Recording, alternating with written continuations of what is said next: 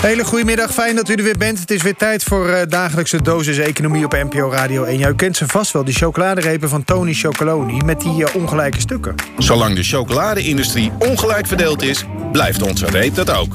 Tony's visie is 100% slaafvrije chocolade. Niet alleen die van ons, maar alle chocolade wereldwijd. Alle chocolade in de wereld helemaal slaafvrij. Dat is het grote doel van Tony's. Maar er is nu toch ook kritiek op hoe dat bedrijf dat aanpakt. Dat zometeen. Geld of je leven.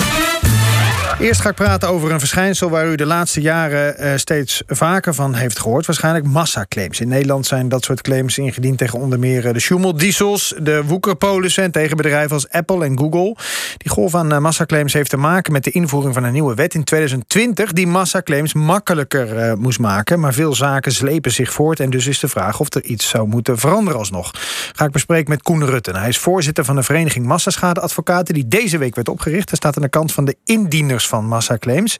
En ook bij ons is Maaike Sinningen-Damstee van advocatenkantoor Freshfields uh, Burkhouse uh, Derringer. Zij staat als advocaat bedrijven bij die te maken krijgen met een massaclaim. Ook goedemiddag, van harte welkom. Fijn dat jullie er zijn. Um, meneer Rutte, u vertegenwoordigde de gedupeerden in een massaclaim tegen bijvoorbeeld de, de, de Fortis Bank. Wat is wat u betreft de meerwaarde van het indienen van een massaclaim? Waarom zou ik eraan mee moeten doen? Um, u zou daaraan mee moeten doen omdat um, in beginsel het zo is dat uh, de krachten van individuen dan kunnen worden gebundeld en de kosten uh, lager worden. En u daadwerkelijk als individu ook uw schade kan verhalen. Want als individu is het vaak uh, niet mogelijk. Mm -hmm. En het uh, is ook efficiënter um, als we met z'n allen in één grote groep naar de rechtbank gaan... in plaats van uh, honderdduizend of een miljoen individuen. Ja, en dat loopt dus al sinds een aantal jaar. Die, die wet is er sinds 2020. Toch, toch had u morgen um, in Amsterdam de Vereniging van Massa-advocaten van start laten gaan. U, u bent daar bestuurder. Waarom is het nodig om u te verenigen als advocaat ook? Um, Nou, als advocaten die uh, voornamelijk aan de eisende kant uh, optreden, ja. is het uh, relevant om ons te organiseren, omdat wij eigenlijk zien dat er een balansverstoring is tussen de toegang tot die rechters en de noodzaak van een zorgvuldige procedure. Wij zijn er een voorstander van, maar op dit moment zien wij mm -hmm. dat die procedures veel te lang duren en eigenlijk niet tot de kern doordringen waar het om gaat. Het probleem, de schade die de mensen hebben geleden, dat wordt allemaal naar de achtergrond gedrukt. Ja, wat is het probleem dan? Waar, waar, waar stokt het? Um, het stokt eigenlijk in uh, de procedure aan zich, tussen allerlei technicalities. Um, uitgebreide technicalities? Ja, zeer specifieke juridische punten die naar voren worden gebracht waarom partijen niet ontvankelijk zouden ah. zijn.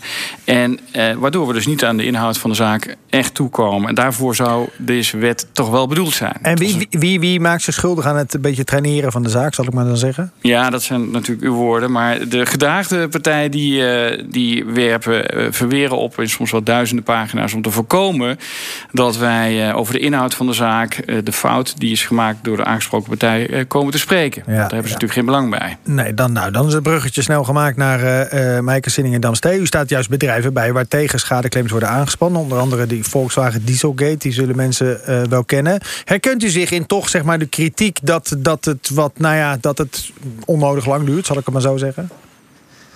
Nou, um, wat ik eigenlijk een beetje mis um, aan de kant van de massaschade-eisers, zou ik maar zeggen, als ja. vertegenwoordigd door um, de heer Rutte, is dat deze wet tot stand is gekomen. Eigenlijk met input van zowel partijen die veel aan de eisende kant optreden, als partijen die veel aan de gedaagde kant optreden. Dus eigenlijk in die wet is geprobeerd om een balans te vinden tussen enerzijds het belang van de eisers om hun schade te verhalen via zo'n collectief mechanisme en aan de andere kant de belangen van gedaagden en ook van, ik zeg maar even, de BV Nederland. Mm -hmm. Om te voorkomen dat er veelvuldig onnodig wordt geprocedeerd. Omdat de partijen die die procedures financieren daar over het algemeen ook beter van worden. Um, en die wet is vier jaar geleden in werking getreden. En dat daar af en toe kinderziektes bij komen kijken, dat is denk ik onvermijdelijk. Maar ja. ik zou absoluut niet willen zeggen dat die wet niet functioneert. Ja, um, en, en, en, hoe zou je het dan wel willen zeggen? Kinderziektes. Nou, op sommige punten denk ik dat een nieuwe wet altijd bepaalde onduidelijkheden kent die uitgekristalliseerd moeten worden in de jurisprudentie. Ja. En er zijn ook claims ingediend geweest, bijvoorbeeld op basis van hele dunne juridische grondslag die zijn afgewezen door rechters. En ik denk dat dat ook laat zien dat het een zorgvuldig proces is. Ja, u zegt ook van uh, we moeten het ook zorgvuldig doen, want we moeten niet. Uh, er zijn ook mensen die er beter van worden. Dan heeft u het over, over zeg maar procesfinancierders, zoals dat dan heet, uh, meneer Rutte. Partijen die dus dit soort zaken um, financieren. Um, wat zijn dat voor, voor partijen die die financiering geven?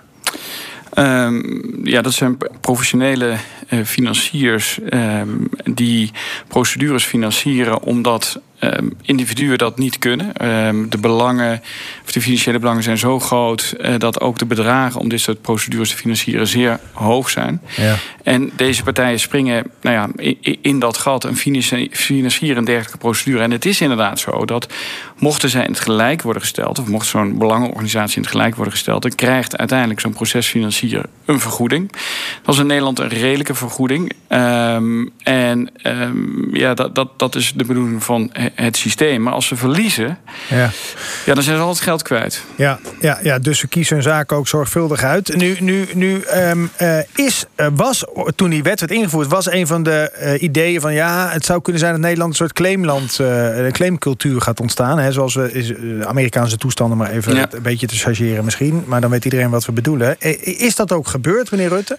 Mm, nee, dat is niet gebeurd. Um, als we kijken gewoon naar de cijfers, en die zijn allemaal publiek. Dus dit zijn cijfers die komen uit het uh, register voor uh, collectieve vorderingen. Die zijn allemaal op rechtspraak.nl terug te vinden. Is het uh, zo dat er ongeveer 80 procedures aanhangig zijn gemaakt. Um, en er 18 daarvan zijn, hebben betrekking op schadevergoeding. Ja. En de andere zaken die hebben betrekking op Stichting Brein, de FNV en andere soorten organisaties.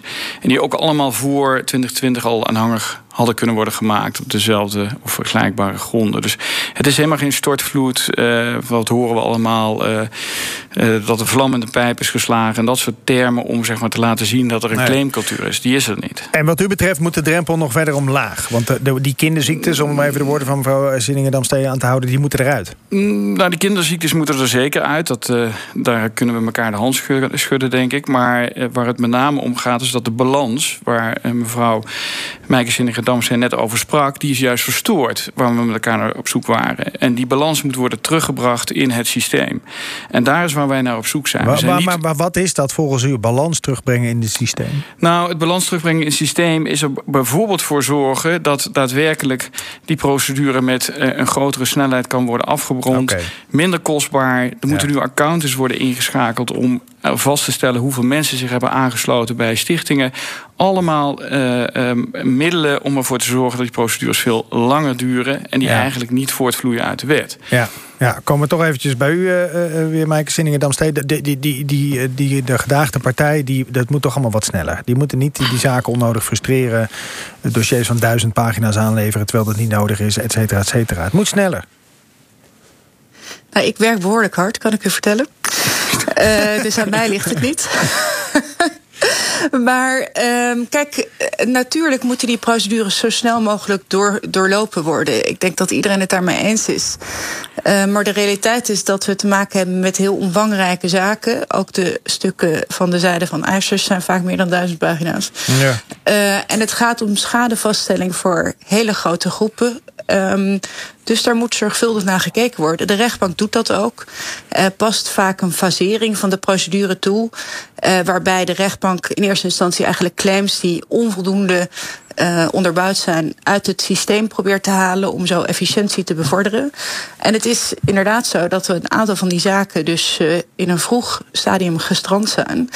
Maar dat betekent denk ik toch gewoon dat de kwaliteit uh, aan, de, aan de kant van de funders, zou je kunnen zeggen. Mm -hmm. Dus op dat punt, uh, ja, in die zaken, in die specifieke zaken, gewoon onvoldoende was. Ja. Er is nog geen enkele zaak gestrand die gefund is. Uh, dus dat is gewoon niet. die zaken lopen allemaal nog. Ze duren alleen heel erg lang. Ja, dat is het punt. Ja, niet zozeer ja. dat ze gestrand zijn. Als ik, u nou, als ik u nou volgend jaar weer spreekt, meneer Rutte, wat hoopt u dan concreet veranderd te hebben? Of het uh, nou ja, in een jaar, we gaan heel veel doen in een jaar, hopen wij. Maar uh, uh, dat deze wet in ieder geval tot, tot wat grotere efficiëntie leidt. En dat we toch echt concrete resultaten kunnen boeken. En dat we echt over de schade en het probleem kunnen praten. En niet constant praten over belangenorganisaties, procesfinanciers. Dat zijn allemaal elementen die noodzakelijk zijn om te komen tot oplossing van die concrete problemen die voorliggen. En daar staan wij voor. Voor die efficiëntieslag. Helder. Ik dank u beiden heel hartelijk. advocaat Koen Rutte van de Vereniging Massaschade Advocaat en advocaat Meike Sinningen